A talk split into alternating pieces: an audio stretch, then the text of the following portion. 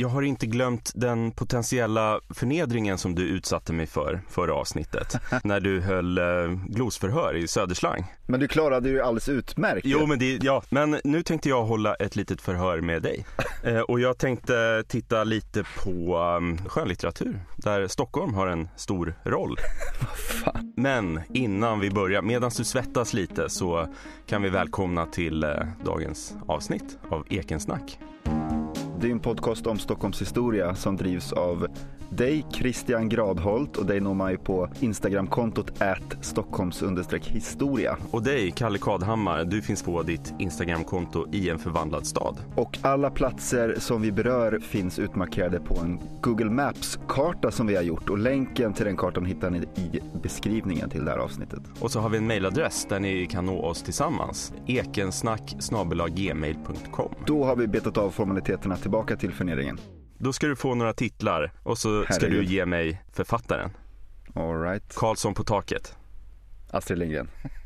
Röda rummet. Strindberg. Den allvarsamma leken. Hjalmar Söderberg va? Jajamensan. Vita bergens barn. ah, Per-Anders Fogelström. Ja, den är underbar. Det är väl om, om Lottens familj va? Innan Ja. Mina drömmars stad. Ja, min favorit. Eh, Kungsgatan.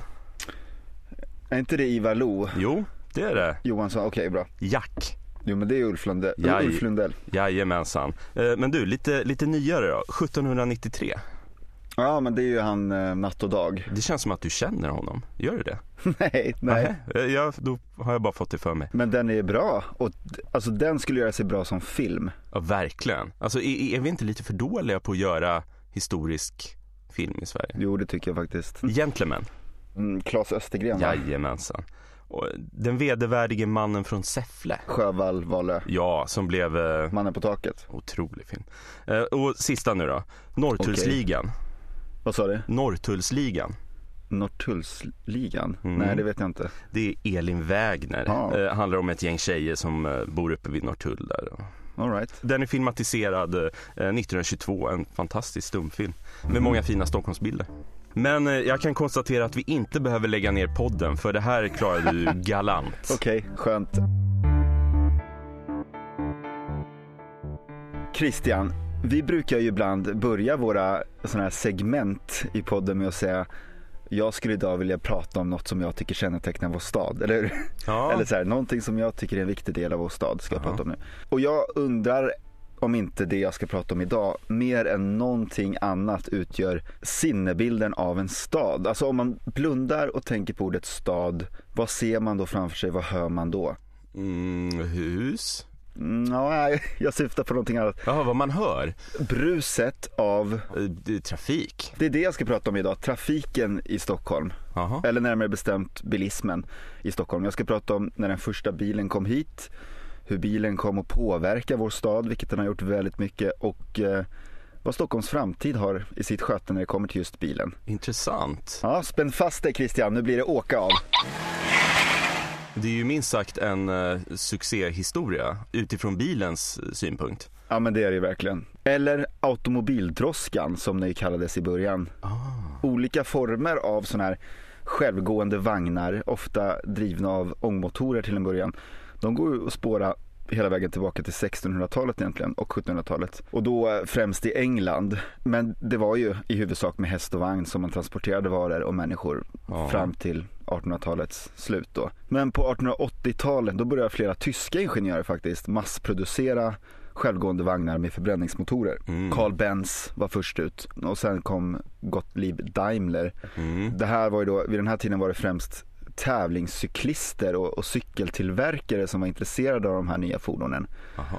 1891 köpte cykeltillverkaren Peugeot en motor av Daimlers fabrikat och monterade ihop ett eget fordon och genomförde med den bilen en uppmärksammad non-stop-färd Paris-Brest. Jaha, så cykeltillverkaren tillverkade en bil? Ja, snickrade ihop den liksom. Och sen började då Peugeot tillverka egna bilar 1896 då med sina egna motorer. Så här började det röra på sig i dubbel bemärkelse. Notera alla ordvitsar jag har planterat här. Ja, Under de första åren, då konkurrerade ju bilar som hade förbränningsmotorer med andra bilar som hade ångdrift. Eh, Ja. Och i uthållighetstävlingar som hölls här under 1890-talet, då visade ångmotorerna sig underlägsna bensindrivna bilar.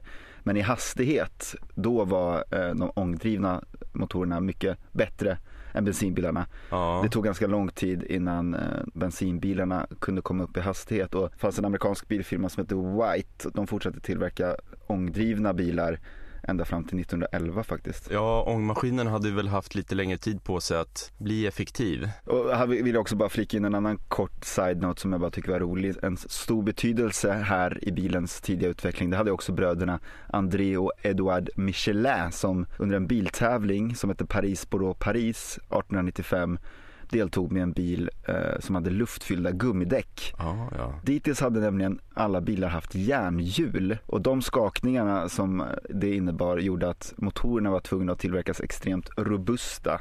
Vilket i sin tur gjorde då att de här fordonen var väldigt tunga. Men de här luftfyllda däcken då, de möttes ju först med skepsis men efter brödernas framgångar i den här tävlingen så var hälften av bilarna redan året därpå i tävlingen Paris-Marseille-Paris försedda med just luftfyllda däck. ja. Och jag nämner det bara för att jag tycker det är så fascinerande här med alla de här personerna vars efternamn övergått till att ge namn åt alla de här välkända företagen som har dominerat under hela 1900-talet liksom. Ja, verkligen. Man känner igen vartenda ett nästan. Det är en sån omvälvande tid. Vi har ju pratat om det ofta i podden att det är det här sena 1800-talet liksom. Den gyllene tidsåldern som den kallas ibland. Ja, det är en otroligt dynamisk tid. Jag, jag tycker ofta man hör att vi, vi lever i en så spännande tid idag vad gäller teknisk utveckling och så. Den digitala revolutionen som aldrig tycks sluta accelerera och så vidare. Men frågan är om inte den här perioden, liksom 1800-talets slut, egentligen är ännu mer intressant ur de här synpunkterna. Ja, jag tycker personligen det. Ja, Från att inte kunna prata med någon på andra sidan jorden till att kunna prata med någon på andra sidan jorden Ja. med hjälp av telefonen. och så har vi de här industriutställningarna i den här tiden också. De pratade vi om förra veckan. Ja, Och det hölls en stor industriutställning i Göteborg augusti 1891. Och då kom den första bensindrivna bilen till Sverige. jaha, okej. Det var en Göteborgsfirma som hette Boye och Toresen som låtit importera en Panhard Ja. som ställdes ut på mässan och man kunde läsa i Göteborgs handels och sjöfartstidning att firman utställer ett par mindre petroleummaskiner samt håller vidare utanför utställningsområdet igång ett par mindre båtar drivna med petroleummotorer samt ett fyrhjuligt fordon, det första i sitt slag, där en dylik motor ersätter dragare. ja, Så där, där kom bilen till Sverige. Och en bil av eh, Leon Bollés tillverkning importerades 1897 till Sverige och visades bland annat upp på just Allmänna konst och industriutställningen i Stockholm. men då var det företag som tog in dem. Det var inte någon privatperson som hade köpt dem eller? Exakt, man köpte in den och visade upp den Ja, okej. i någon monter. Ja. Och den här bilen var lite lustig, Leon Bollé. Det såg ut som en liten trehjulig motorcykel där man styrde från baksätet. Oj. Och i Svenska Dagbladet skrev man senare Den första automobilen har kommit till Stockholm. Kanske är det hästlösa tidevarvet närmare än vi ana. Ja, de sätter fingret på eh, förändringen i tiden. Verkligen. Sen var det en stor sensation i Stockholm när kronprins Gustav 1899 köpte en automobildroska. En Daimler som kunde köra hela 22 km i timmen. Just det, det här, det här har man nog hört om va? Ja men det var stor uppståndelse. I DN kunde man läsa 1899. Med kronprinsens automobilekipage företogs igår en provtur. Kronprinsen själv jämte uppvaktning medföljde. Färden gick bland annat över Ladugårdsgärde och ut till Djurgården. Ekipaget visade sig vara lätt att styra samt klarade alla stigningar utan svårighet. Ja. Och en annan tidning beskriver händelsen så här. Gatpojkarna sprungo efter och härmade maskinernas chop-chop. Hästarna ställde sig på bakbenen och hovrade med frambenen. Och gammalt folk höll sig i lyktstolparna och spottade tre gånger.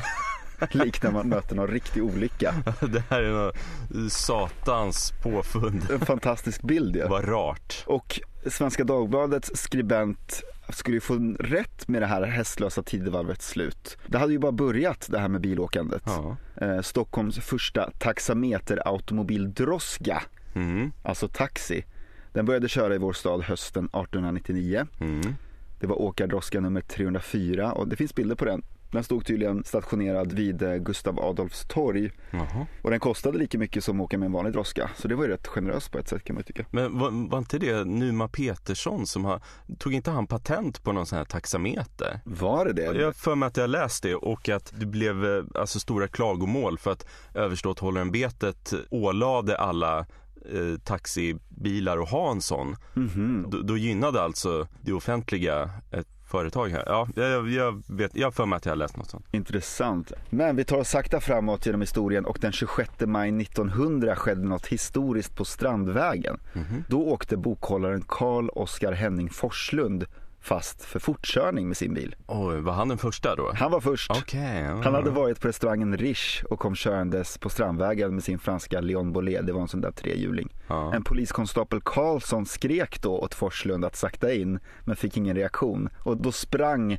poliskonstapel Karlsson ikapp bilen Ja, ja. och grep liksom handgripligen tag i Forslunds rockärm liksom för att få Ja. stopp på honom. Men då var den här konstapeln jättesnabb. Forslund själv hävdar efteråt att, att han körde 6 km i timmen. Aj, aj, aj. Han fick böta 15 kronor för det, för överdådig framfart. Det fanns ingen officiell hastighetsgräns, men Nej. polisen bara tyckte att det gick för fort. Ja. Det dröjde fram till 1910 då man faktiskt införde hastighetsbegränsningar och då eh, fick man köra 20 km i timmen eh, inne i Stockholm. Var det inte ungefär då man även införde vänstertrafik? Ja men det kan stämma, man inser ju bilens signifikans här och 1914 då började man registrera vägtrafikolyckor i Stockholm. Mhm. Under första året så polisrapporterades 20 trafikolyckor med dödlig utgång i staden. Ett Oj. svindlande högt antal med tanke på att samma siffra var fyra år 2020. Oj. Och, och vi pratar ju ofta Christian i den här podden om hur vi i Sverige historiskt har varit så snabba med att hoppa på nymodigheter och använda ny teknik och sådär. Ja. Men ett annat kontrasterande tema som också återkommer i vår podd det är ju folkets inte sällan lätt skeptiska inställning Mm. till dessa nya saker. Och vi ser det inte minst idag med elsparkcyklarna. Ja, verkligen. Och i fjol skrev en person som heter Andreas Hatzigergio som jobbar vid Stockholms handelskammare en intressant debattartikel i DN på just det här temat med rubriken Historien visar att inte bara elsparkcyklar ifrågasatts. Där beskriver han eh, just hur Stockholms första motordrivna buss provkördes 1899 längs Drottninggatan Ja, och orsakade våldsamma protester. aha. Citat, det oväsen bussen orsakade skrämde både folk och hästar. Redan inom ett par timmar efter premiärturen välde det kritiska insändare till tidningarna som ville stoppa Bullerbussen som det kallades i folkmun. Mindre än en vecka efter premiären stoppades bussen. Bilen var ju då trots alla dessa bump in the roads här för att stanna, det vet Mhm. vi alla. Och här kan man ju en kort passage bara nämna hur det börjar poppa upp ett stort antal svenska biltillverkare i början av Mm. Ja, 1900-talet. det är ju på tiden. Senhösten 1902 byggdes den första svenska lastbilen av maskinfabriksaktiebolaget Scania i Malmö. Ja. De hade ju tidigare tillverkat cyklar. Och i Stockholm, AB Gustav Erikssons automobilfabrik eh, var en tillverkare av bilar som grundades 1904 av eh, Gustav LM Eriksson, son till The LM Eriksson, telefontillverkaren. Jaha. Den fabriken låg på Kungsholmen eh, Ja. men marknaden var trots allt inte riktigt mogen här än och efter lite ekonomiska problem så upphörde bolaget 1909. Ja. Gustav Eriksson ritade dock, ska tillägga senare en modell åt Volvo, Jaha. Venus Bilo, som tillverkades av Gustav Nordbergs vagnfabrik som låg på Tegnérgatan. Jaha. Och här på Tegnérgatan här tillverkades många av tidens polisbilar och ambulanser. Sen vill jag också bara rabbla upp några andra svenska tillverkare. Alvelo, alltså Allmänna Velocipedsförsäljnings AB, det var en svensk cykel och biltillverkare i Landskrona. Sålde bilar under eget namn 1903 till 1907. Tidaholms bruk byggde lastbilar 1903 till 34. Rengsjöbilen tillverkades 1914 till 16 i Rengsjö utanför Bollnäs. Jaha. Och Volvo då bildades ju 1926 av Ja. Gustav Larsson och Assar Gabrielsson. Det var ett dotterbolag från början till SKF, kullagertillverkaren. Just det. Men redan 1924 då hade man börjat planera att bygga en bil eh, och sen lyckades man övertala ledningen ett par år senare om att tillverkning av bilar skulle bli en lönsam verksamhet. Och i april 1927 då kom den första serietillverkade bilen från fabriken. Ja, okej. Och Saab då, ska vi också nämna, Ja. grundades ju 1937 på anmodan av den svenska regeringen för att säkra tillverkning av svenska stridsflygplan. Men man började ju tillverka bilar också 1945. Mm. Och sen på senare år har vi en, en rad andra bilmärken också som har startats i Sverige faktiskt. Mhm. Koenigsegg och Just det finns något som heter Jösse Car i Arvika. Jaha. Och jag är rätt säker på att vi har ett antal eh, startups idag som sysslar med olika typer av bilar. Okej. 1905 fanns det i Stockholm 177 registrerade bilar. Siffran ökade på 20 år till 9000 registrerade motorfordon. Och sen bara fem år senare igen då, 1930, då hade det fördubblats igen till nästan 18 000 Ja. bilar. Så här går det fort. Det ska också ses som en ordvits. Ja, det, det rullar på. Och på 30-talet här då, då, då blir ju stadsplanerarnas och samhällsplaneringens viktigaste uppgift egentligen att planera Stockholms vägnät för den här förväntade fordonsökningen. Ja. Så på 30-talet då skapas ju flera stora infrastrukturprojekt i Stockholms innerstad. Nästan samtidigt invigdes ju Västerbron Just 1935, det. Tranebergsbron 34 och så har vi Slussen 35. Ja, Det är ganska stora händelser inom loppet av ett år där. ja. Och även eh, Söderleden Just det. som eh, åt sig fram genom eh, Södermalms äldre bebyggelse. Och på 40 och 50-talen då planerades ju en total omdaning av Stockholm city. Norrmalmsregleringen, den har vi ju vikt en hel podd åt, avsnitt nummer fem för intresserade. Just det, beslutades eh, 45. Då var det ju framförallt Klaratunneln och Ja. Tegelbacken och Centralbron och Klarastrandsleden. Ja. Och även eh, eh, Strömbron. Just det, och Essingeleden kom ju här på 50 och 60-talet. Ja. Den invigdes 66. Så här får ju Stockholm ett nytt utseende, helt klart, med Ja. anledning av bilen. Och enligt 1960 års trafikplaner skulle ett omfattande nät av stadsmotorvägar också anpassa Stockholm till bilismen. Just det, man ser ju några spår av den Mhm. trots att den inte blev av i sin helhet. Men till exempel eh, Barnhusbron, Ja, ja, ja. där ser man ju att den är, det är en utpräglad liksom, motorvägsbro i stort sett. ja vad intressant. Men den här leden blev ju aldrig av, den som skulle gå rakt över ja, Tegnérlunden och bort till Östermalm och så.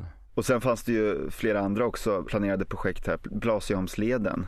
Just det, man tänkte sig bygga en bro eller tunnel där från Skeppsbron till Blasieholmen och sen vidare. Ja, alltså det var en sexfilig motortrafiksled som skulle förbinda Stadsgården via Blasieholmen till Strandvägen. Ja. Den fanns med i City 67 men den blev aldrig genomförd. Huvudstalleden var också en planerad stadsmotorväg som skulle förbinda Brommaplan med Essingeleden och Klarastrandsleden via Huvudsta. Men är det inte någon liten del av den som har funnits? Jo, ja, men Huvudstabron är en, en del etapp av det här som finns kvar. Ett annat projekt som planerades i, under den här tiden var ju också Österbron som ju fortfarande debatteras och diskuteras och eventuellt någon gång blir av i någon form, kanske en tunnel. Just det, man har sett bilder från eh, är ja, 60-talet där, en enorm hängbro från Nacka till Djurgården. Ja men precis, en, en pandang till Västerbron helt Ja. enkelt på andra sidan stan som skulle gå från Nacka till Djurgården. Men de här grejerna blev ju inte av och först här då på 70-talet då kom den stora motreaktionen. Mycket av dynamiken i det här speglas ju i Norrmalmsregleringen som vi har varit inne på tidigare. Men, Ja. Och så kommer ju miljörörelsen. Så här konkretiseras ju de stora vägplanerna i allt långsammare takt. Mm. Men Dennisuppgörelsen det var i vilket fall en överenskommelse mellan Moderaterna, Socialdemokraterna och Folkpartiet som slöts 92. Just det. Det innebar att Stockholms ringled skulle byggas färdigt och att en, en västlig förbifart skulle anläggas. Så blev det dock inte. Dennispaketet upplöstes 97 men många delar blev ändå verklighet. Vi har ju då Södra länken invigd 2004, Norra länken invigd eh, 2014 och idag är ju fordonet, bilen, en självklar del av stadsbilden givetvis. I Sverige finns strax under 5 miljoner personbilar i trafik och den, vad tror du? Är den här för att stanna då? Bilen ja. Bilen? Ja, det skulle jag tro. Men eh, det är väl kanske att eh, ägarformerna kanske kommer, vad ska man säga, moderniseras. Bilpooler? Bilpooler, ja precis. Mm. Jag lyssnar på en podcast ibland från Stockholms stad som heter Stockholm växer. Jag har Ja. nämnt den förut någon gång. Där nämns faktiskt en intressant hypotetisk framtid där självkörande bilar, för de är ju på väg in allt mer, där självkörande taxibilar helt tar över privatbilismen. Mhm om vi nu får självkörande bilar eller vad det nu är, poddar vad det kallas, som snurrar hela tiden, då skulle vi kanske inte behöva parkeringsplatser då frigör vi massa yta och då kan det hända saker i stadsmiljön. Eh, om vi faktiskt får bort alla bilar. Det kan både bli mer byggbar mark och det kan bli, bli bättre offentliga rum och så vidare. Det kan tänkas skulle kunna bli den stora förändringen. Om vi inte längre behöver parkeringsplatser i samma mängd alls, då skulle vi få en helt annan stadsbild för första gången på 100 år minst. Ja, man kommer ju inte ifrån att bilen tar väldigt stor plats. Jag är ju rätt intresserad av sånt här. Jag följer teknik rätt mycket och inte minst liksom Silicon Valley-bolagen och alla de där stora eh, teknikföretagen jobbar ju på olika bilprojekt. Jag är rätt övertygad om att inom 10-20 år då kommer vi se någon stad i världen ha det här som en, ett stort inslag i stadsbilden. Det blev lite framtid här i Ekensnack. Ja, Snyggt! tack. Och med det så går jag raskt tillbaka till 1800-talet. Mm, den fina tiden.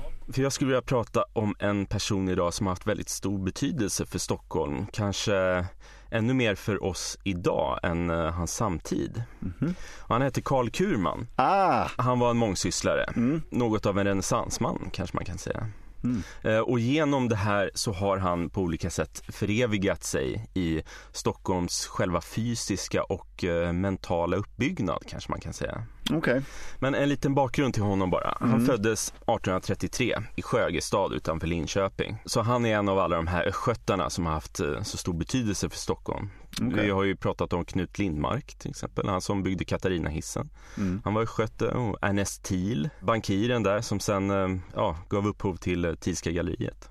Och så kanske några till. På 1850-talet så var Karl Kurman student både vid eh, Karolinska institutet och Akademin för de fria konsterna. Så han hade intresse både för anatomi och det konstnärliga, eller framförallt det visuella. Mm. Och det anatomiska, det handlade främst om den kroppsliga hälsan Mm. och eh, det visuella om eh, fotografi. Jaha. Och 1859 och framåt så är han badläkare i Lysekil. Vad är en badläkare? Ja, han har ju då insett eh, badets hälsofrämjande betydelse. Ja just det, det var ingen självklarhet Nej, så han utvecklar Lysekil som badort då. då. Det här är ju en utpräglad 1800-talsföreteelse. Mm. Det här med badorter, det kommer ju överallt i hela Europa och Mm. Sverige och i Mölle och ja, Varberg och ja, Saltsjöbaden också kanske. Men han lät anlägga det här kallbadhuset här i Lysekil 1864 och det finns faktiskt kvar idag. Mm. Men 1869 så blir han i alla fall professor i plastisk anatomi vid Konstakademin. Okej. Och här fick jag gå till eh, Svenska Akademins ordbok och där står det plastisk anatomi om de delar av människokroppens anatomi som har betydelse för konsten. Och ja, jag, jag blev inte jättemycket klokare, men eh, det finns i alla fall ett fotografi från 1880 eller 90-talet där Kurman sitter med eh, elever runt omkring sig Mm. och han håller i en modell av en arm. Mm. Så troligen handlar det väl om eh, anatomiskt korrekt återskapande av kroppsdelar för konstnärliga syften. Mm. Men det är väl ändå framförallt som badkung han gör sig känd i Stockholm. Ja. För 1867 så bildar han tillsammans med bland annat Dr. Sander Stockholms badhus aktiebolag. Hmm. Och här kommer man över ett hus vid Malmtorgsgatan före detta frimurarbarnhuset Mm. som nu skulle flytta till Kristineberg. Och det lär ha gått till så att eh, Kurman gick upp till frimurarbarnhuset men där ville föreståndaren inte hjälpa till och eh, han ska då ha gått upp till hertigen av Östergötland i syfte att få köpa huset från frimurarna. Och hertigen av Östergötland det är ju dåvarande kronprins Oscar Mm. eh, blivande Oscar den andre som bodde strax intill då, alltså i Arvfurstens palats där han hade bott sedan han gifte sig med Sofia av Nassau tio år tidigare. Och Kurman, han lär ha haft eh, hela planen för badhuset med fullständiga ritningar med sig Mhm. och på stående fot har intresserat eh, Oscar för projektet. Och då drog Oscar i lite trådar och följden blev att eh, Kurman fick köpa det före detta barnhuset för 200 000 riksdaler. Snyggt, vilken hisspitch. Ja, verkligen. Och här anläggs då det som ska komma att heta Malmtorgsbadet. Okej. Och det stod färdigt 1869. Men bara för att placera oss i rummet så får vi tänka oss att vi går från Gustav Adolfs torg till Brunkebergs torg. Och då har man platsen för badet på, på vänster sida om sig, Mm. på Malmtorgsgatan. Mm. Dessvärre revs ju det här badhuset under den allra värsta perioden av bankpalatsifiering av Stockholm, det vill säga runt ja, 1915 Mm. 16-17 till förmån för Nordiska handelsbankens hus som stod klart 1920. Och här sitter idag delar av regeringskansliet och infrastrukturdepartementet och UD har ett bibliotek här. Ja, Och. Malmtorgsbadet var väl inte det första badhuset i stan, men det nya med det här badet det är att inrättningen kom att kombinera två hälsorörelser, det vill säga varmbad och så kallad medikomekanisk gymnastik. Ja men just det, men det har jag hört talas om faktiskt. Ja, Det här medikomekaniska institutet. Ja. Det kallades ju för gubbkvarnen i folkmun. Och jag vet att August Okej. Strindberg jämför ju de här äh, träningsmaskinerna med tortyrredskap. Men det, det ser ju på bilder slående likt ut ett modernt gym. jaha okej. Som Gustav Sander helt enkelt var först i världen med att skapa. Ja, han var, man kan säga att han var eh, gymmets fader. Det är faktiskt otroligt. Alltså vi hade ju den här, sån här linggymnastik Mm. i Sverige innan. Men jag tror att Dr. Sander uppfattade det här som någonting för fris redan friska människor Mm. som skulle bli starka och smidiga och rörliga. Men jag tror att Sander var mer inne på att åtgärda det sjukliga. Mhm. Alltså att det dåliga ska bli friskt. Mm. Och det är det som är det nya med det här badhuset. Det går ju att sortera in det här i- idéhistoriskt i en liksom strävan efter hygien och, och hälsa och sanitet Mhm. under 1800-talet. Mm. Som manifesterade sig på flera olika sätt. Till exempel i stadsplanering och bostadsbyggande och infrastrukturbyggande. Mm. Som vattenledningar och reningsverk och sådär. Ja. Och då olika kroppsliga åtgärder som bad och medikomekanisk gymnastik. Och kanske även alltså, psykologi och psykoanalys och sådär. Mhm. För att man var ju på det klara med att Stockholm var osunt. Mm. Eh, sjukdomar och kolera härjade och det var ett fattig-Sverige som man ville utplåna. Så badhusen och Sanders medikomekaniska apparater är liksom en del i det här. Just det. Eh, Och ett mål med Malmtorgsbadet det var att förse just eh, obemedlade klasserna med, med varma bad. Mm. Så därför ansöker Stockholms badhusaktiebolag om sänkta vattenkostnader Mhm. hos staden. Och det påpekas att eh, de första två åren så har de sålt 70 000 varmbad av tredje klassen till, ja, fattigare människor. Det måste ju ha varit ganska skönt att komma från en risig bostad i någon träkåk på någon grusgränd och, och få ett varmt bad i en hygienisk anläggning med kakel och tvål och, och Ja, ja, ja. ångbastu. Och, Mm. Och det här gick igenom. De fick rabatt på vattnet eftersom de gjorde nytta för allmänheten. Mhm. Och 1885 då öppnades en filial till Malmtorgsbadet. Mm. För staden växte ju som bekant något enormt just på 1880-talet och efterfrågan på bad var hög. Mm. Och, och nu hade Kurman även blivit docent i balneologi, alltså läran om bad och deras medicinska betydelse. Ah. Så badkurer och badterapi, det är hans grej och han heter ju Kurman. Och vet du för övrigt vad det kallas när man heter det man sysslar med? Nej, vad heter det nu igen? Eh, aptonym. Just det. Ett annat exempel på aptonym är ju till exempel alkoholforskaren Gunnar Ågren och eh, Nordeas chefsekonom eh, Annika Winst. Och min favorit, den tyska socialdemokraten Inge Höger. Just det, ja det är aptonymer. Ja. Eh, Men 1885 så uppfördes den här filialen till Malmtorgsbadet och det ritades av arkitekterna Iseus och Sandahl, för de var ju kungar vid den här tiden. Mm. Eh, Och det är en fantastiskt vacker byggnad. Eh, Iseus har gjort bland annat eh, Blancheteatern och Hotell V6 slash Continental Ja. och, och Norstedthuset på, på Riddarholmen. Mm. Men det var ju det här som blev Sturebadet som finns kvar idag. Mm. Har du varit där?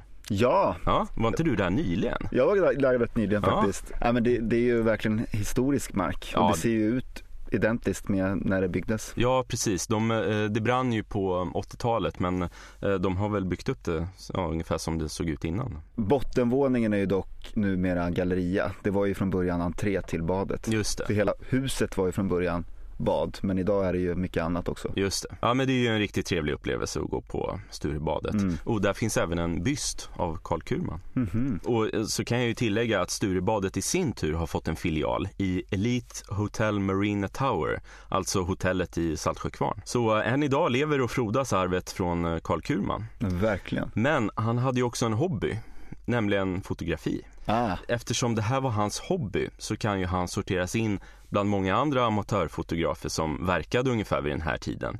Till exempel eh, Carl-Johan Gimberg och Kasper Salin och Mm. Oskar Heimer, som även han var skötte för övrigt, och Severin Nilsson. ja. Jag tycker personligen att de här amatörfotograferna är nästan helt och hållet överlägsna de här professionella när det kommer till att bevara det gamla Stockholm. Mm. Va- varför då då? Ja, de gick ju ofta runt i trakter som andra fotografer sällan besökte. Just det. Om de, om de inte hade uppdrag att avbilda just sånt. Alltså slum och kåkar och utkants eh, Stockholm. Några av de mest fascinerande bilderna som Kurman har tagit, tycker jag, föreställer Eriksbergshöjden.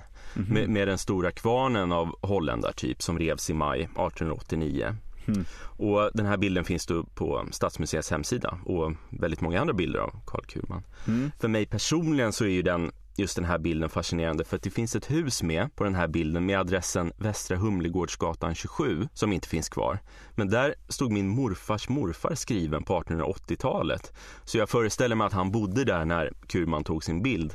Just det, vad häftigt. Men vid den här tiden så bodde ju Kurman i en villa på Floragatan 3 det vill säga alldeles i närheten av Eriksbergshöjden. Och han gjorde sina fotografiska utflykter i närheten av sin bostad. Mm. Eh, han fotograferade i Humlegården och Liljanskogen och den nya Karlavägen och villastan då där han bodde och även Landbyska verket, ett gammalt industrikvarter nere vid eh, nuvarande Engelbrektsplan. Men så hans fotografi är en otroligt viktig del, i alla fall av min kunskap om det gamla Stockholm. Ja, ja. Men så hade han ju även en fru, Kalla, mm. Mm. född Lundström och hon var dotter till industrimannen och tändstickskungen Karl Frans Lundström som i en period drev tändsticksfabriken i Jönköping. Mm. Och så lär han även ha varit den första i Sverige att exportera lingon. Okay. Ja, så Kalla kom ju från pengar. Ja. Och Karl och Kalla de gifte sig 1878 och flyttade in i den här villan då på Floragatan 3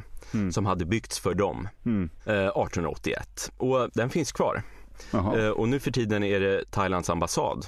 Mm. Men på 1880-talet och framåt, då var den kurmanska villan kanske den främsta beståndsdelen i Stockholms salongskultur. Aha. Och det här är ju väldigt intressant tycker jag. Salongen är ju något som förknippas med kvinnor.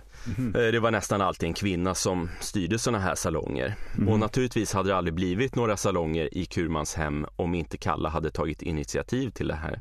Mm. Så om man var framstående inom konst, litteratur, musik, vetenskap eller något annat intellektuellt, då kunde man få hem ett kort där det stod att citat Professor Karl Kurman och hans fru Kalla är hemma för sina vänner den och den dagen och mm. tiden. Och så fick folk komma, till exempel Viktor Rydberg, författaren och författaren och tänkaren Ellen Key och mm. Björnstjerne Björnsson, han som skrev norska nationalsången och poeten Karl Snoilsky och riksantikvarie Hans Hildebrand och matematikern Gösta Mittag Leffler och Skansenskaparen Arthur Hazelius och många andra intellektuella kom.